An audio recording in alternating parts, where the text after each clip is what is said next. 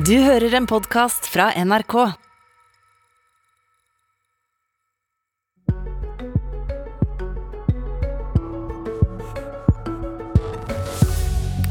Hvem har ansvaret for fylkeskaoset?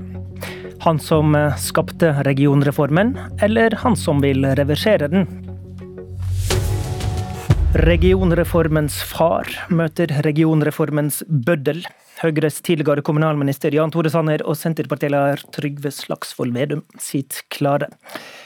Men først, Vedum, du er jo også finansminister. Og i går fikk du ei rekke spørsmål fra kontroll- og konstitusjonskomiteen på Stortinget om utnevninga av Jens Stoltenberg som sentralbanksjef.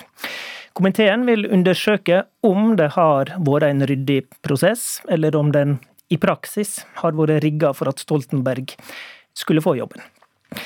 Mener du at du er i stand til å dokumentere tydeligere enn du allerede har gjort, at dette var en prosess som ikke var rigga for at Stoltenberg skulle få jobben?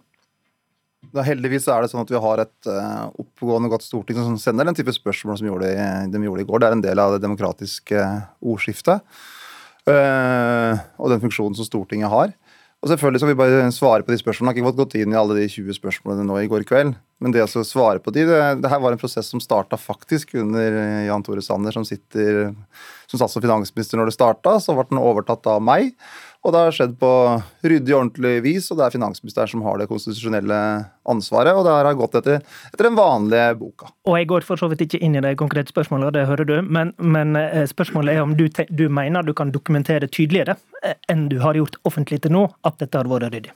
Ja, det, altså, det å sende svar på de spørsmålene, det det kommer til å være en eh, helt fin og grei oppgave. For dette her er gått etter de reglene man, man har. og at det er det konstitusjonelle ansvaret til finansministeren. Og så kommer finansministeren med en innstilling til, eh, til regjeringen som der Kongen i statsråd eh, ansetter. Og det her er, har vært en helt vanlig prosess. Men selvfølgelig så er det en litt mer uvanlig debatt, fordi at det er mer kjente navn og skikkelser og størrelser som har vært en del av debatten, og nå at Stoltenberg fikk fikk, eh, fikk, jobben, og at han var den eh, beste til å bekle stillingen som sentralbanksjef. Men hele prosessen har fulgt helt den vanlige prosedyren. Så det, og de svarene vil jo da kontroll- og konstitusjonskomiteen få. Og det blir redegjort da selvfølgelig fra eh, jeg overtok ansvaret etter at Sander gikk av. Og, og den Komiteen ber om innsyn i kommunikasjon i departementet og i regjeringa. Blir det gitt ut? Der kan vi også følge vanlige eh, prosedyrer på hva man gir innsyn i. altså fordi det, det er også viktig at man har noen klare rollefordelinger. For I hele behandlingen av innstillingen til en ny sentralbanksjef, så er det finansministeren som har det konstitusjonelle ansvaret. og Jeg har vært veldig opptatt av å være ryddig og ordentlig hele veien. og Derfor skal jeg også gi ryddige og ordentlige svar til kontroll- og konstitusjonskomiteen. som vil følge vanlige Du, du ikke svarer helt presis på det jeg spør om. Men dette, hva for noen andre regjeringsmedlemmer rådførte du deg med før du avgjorde at Stoltenberg får jobben? Det var ikke jeg som avgjorde det heller, det var jo kongen i statsråd som avgjorde det. Og det var det jo, det var det jo fullt statsråd og fullt forberedende statsråd. Hva for noen andre regjeringsmedlemmer rådførte du det med før statsråd? Sånn er det i alle saker som er internt i en regjering, at man har ikke en egen liste over hvem man har også har behandla den Nei, men du, du, du, kan vel svare på hvem du rådførte deg med? Så det som er det viktige her, og også overfor Stortinget, er at de som eh, har rollen, følger sitt konstitusjonelle ansvar. Og det var mitt konstitusjonelle ansvar å legge det fram.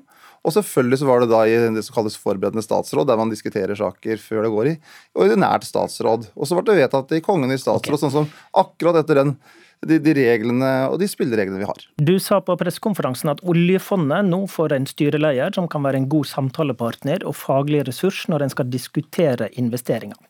Betyr det at du, landets finansminister, ønsker en sentralbanksjef som skal ha ei ny og mer aktiv rolle i styringa av oljefondet? Jeg ønsker å følge opp det Stortinget har ment i flere runder, og også tidligere finansminister har, har ment. At, eh, og selvfølgelig det er sånn det er, at det er hovedstyret eh, som er ansvarlig eh, for NBIM, eller oljefondet, og styrets leder er av sentralbanksjefen. Sånn er det jo. Så det betyr en mer aktiv rolle enn i dag? Nei, Det betyr den rollen man har. Eh, altså nettopp Det er hovedstyret som har ansvaret for eh, NBIM eller oljefondet. Den rollen man har per i dag? altså ja, den ikke mer aktiv? Den rolla har man per i dag. Og så vil selvfølgelig eh, ethvert styre måtte fylle det rolla med godt innhold. Men det var jo senest i fjor, når eh, Sanner la fram sin stortingsmelding til eh, behandling i Stortinget, så understreket han nettopp den rolla som hovedstyret har når man skal vurdere risiko, hvor man skal investere hele det store ansvaret som ligger til hovedstyret også når det gjelder forvaltning av Statens pensjonsfond utland. Så det her er en lang, lang linje. Og noe av det viktige som vi har valgt i Norge, er jo at Statens pensjonsfond utland er en del av Norges Bank. Okay. Og det er hovedstyret som styrer Norges Bank, og det er Jens Stoltenberg som da vil bli styreleder for hovedstyret når han tiltrer til høsten. Vi skifter tema. Abonner på Politisk kvarter som podkast og få sendinga rett til din mobil. Vi står i en kaotisk situasjon der flere fylker som ble sammenslått i januar 2020, nå er i ferd med å løse opp seg sjøl. Hvem bærer det største ansvaret for det? Er det den regjeringa som gjennomførte en reform med sammenslåinger som ingen egentlig hadde bedt om, eller er det den regjeringa som bruker penger og store menneskelige ressurser på å gjøre om på dette, i stedet for å gå videre? Jan Tore Sanner, du var Høyres kommunalminister da regionreformen ble utforma og vedtatt. Er du fornøyd med reformen? Reformen kunne helt sikkert vært, vært, bedre, eh, og det tror jeg man må ta lærdom av på alle reformer og tiltak man gjennomfører. Eh, at ting kan gjøres bedre, og du kan få et bedre resultat. Hva da?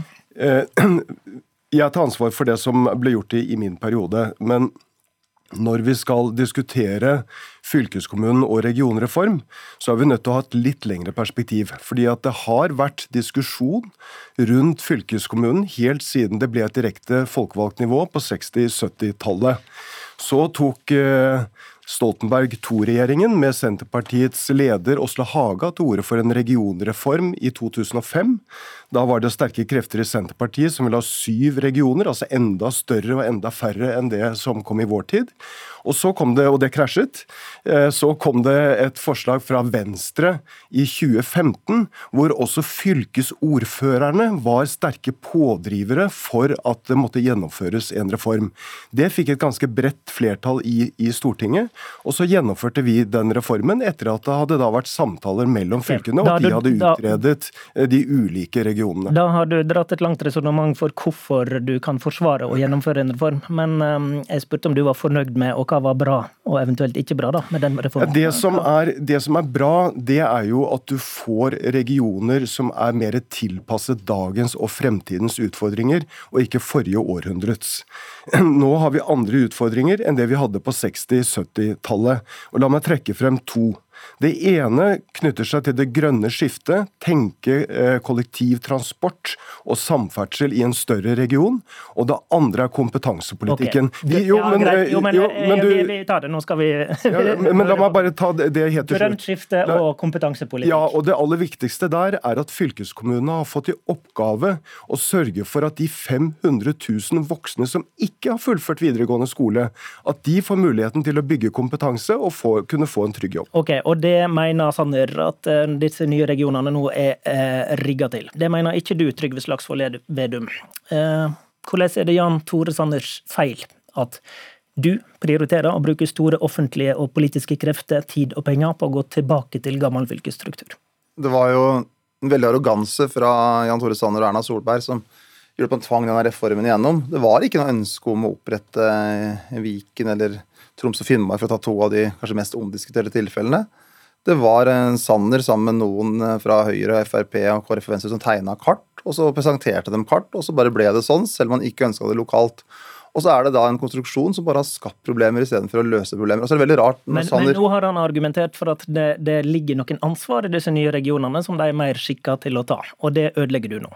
Det gjør jeg heller det, det er en direkte feil. fordi at det er sånn som eh, Argumentasjonen har vært sånn en sirkelargumentasjon som er helt umulig å følge. F.eks. et fylke som Møre og Romsdal har jo atskillig færre innbyggere enn det både Buskerud og Østfold vil ha som selvstendig fylke. Men allikevel så måtte man tvangssammenslå Buskerud og Østfold.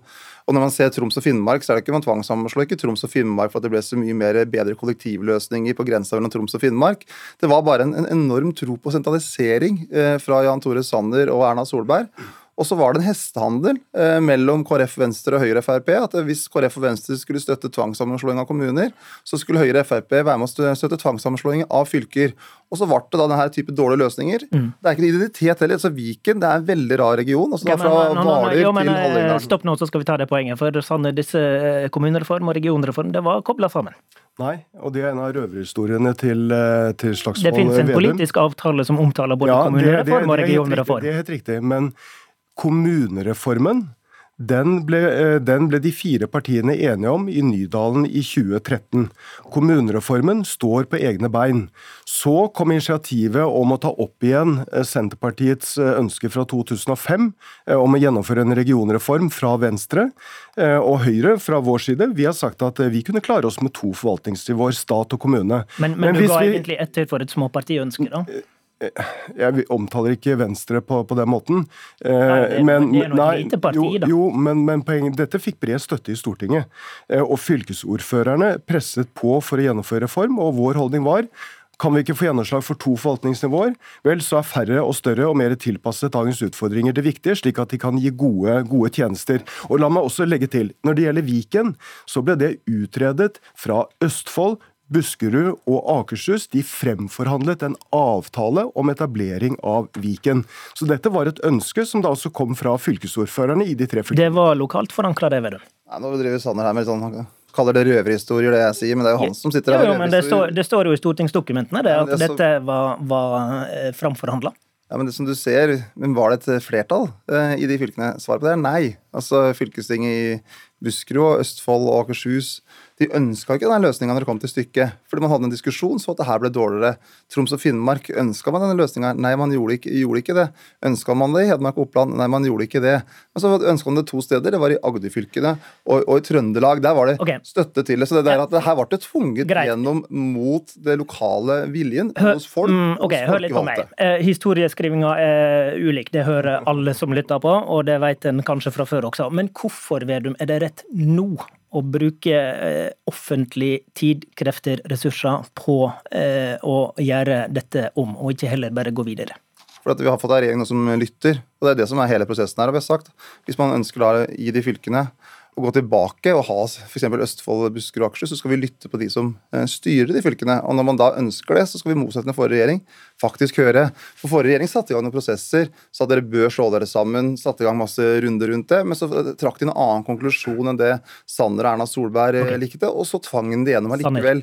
Mens vi har jo den motsatte tilnærminga. Nå er det en ny retning der vi lytter, bygger hele landet, Sanner. og skal tjenester nær folk, og der det styrer store enheter, ikke det gode. Da håper jeg du også lyttet til Lørdagsrevyen, eh, hvor seniorrådgiver eh, Torunn i Viken fylkeskommune med kraft beskrev eh, konsekvensene av nå å reversere og bruke tid, krefter og, og, store offentlige ressurser på å bygge opp tre nye fylkeskommuner.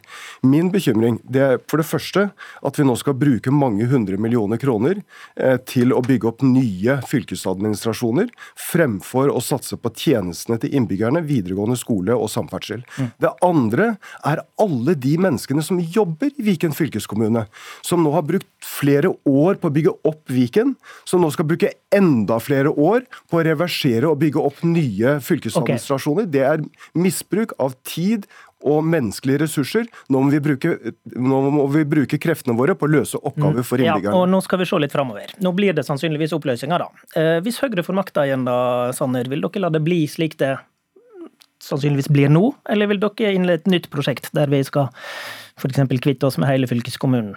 Ja, vårt primærstandpunkt det er vel kjent. Vi mener at vi kunne klart oss med to forvaltningsnivåer. Men ærlig talt, dette er ikke den viktigste oppgaven vi står overfor som samfunn. Ok, Så du lar det ligge, da, hvis det nå blir jeg tror det vil, jeg tror det, jeg tror det vil vokse frem en debatt om vi egentlig trenger fylkeskommunen eh, med den reverseringsgiveren som Senterpartiet nå holder på med. Men jeg mener vi har viktigere oppgaver å løse for innbyggerne våre enn den tut-og-kjør-politikken som Senterpartiet nå legger opp til. Har fylkeskommunen Vedum nok oppgaver til at det er vits å ha den videre? Altså, vi har jo fylker i Norge, vi har også stortingsvalgkretser. Uh, og så ser man jo at Med de nye oppgavene som også har blitt tilført de senere åra, så kan man løse det helt fint i en struktur som er nærmere der folk bor. Og Det er det som er hovedproblemet med mange av reformene til uh, Høyre, som Frp liksom var nissen med på lasset. Det var at når man hver gang eh, flytta tjenestene litt lenger bort fra folk, at det var en start på store sentraliserende prosesser, mens dagens regjering ønsker at man skal ha beslutninger nært der folk bor. Men vil, vil du gi fylkene flere oppgaver, da, f.eks.? Og det har vi også sagt i Hurdalsplattformen, at vi ønsker å gi det enda mer skjønnsmessige oppgaver til, til fylket. Men så har også noen oppgaver vi har vært uenig i, som Sanner overførte. F.eks. kortbanenettet. For vi mener at det er viktig at man har et kortbanenett der vi binder Norge sammen. At det er en stor nasjonal oppgave at også små steder skal kunne ha et eh, flytilbud. Så det var jo en del av de oppgavene som Sanner også førte over til fylkene. Som var en, okay. en mer måte å slippe at staten skulle ta ansvar for at man også på så mindre steder f.eks. skal kortbanenett, havner, farleder. For vi ønsker å bruke hele Norge og utvikle hele Kortbanenett hørtes ut som et annet politisk kvarter. Det får vi ta en annen gang. Takk for i dag. Mitt navn Håvard Grønli. Du hører en podkast fra NRK.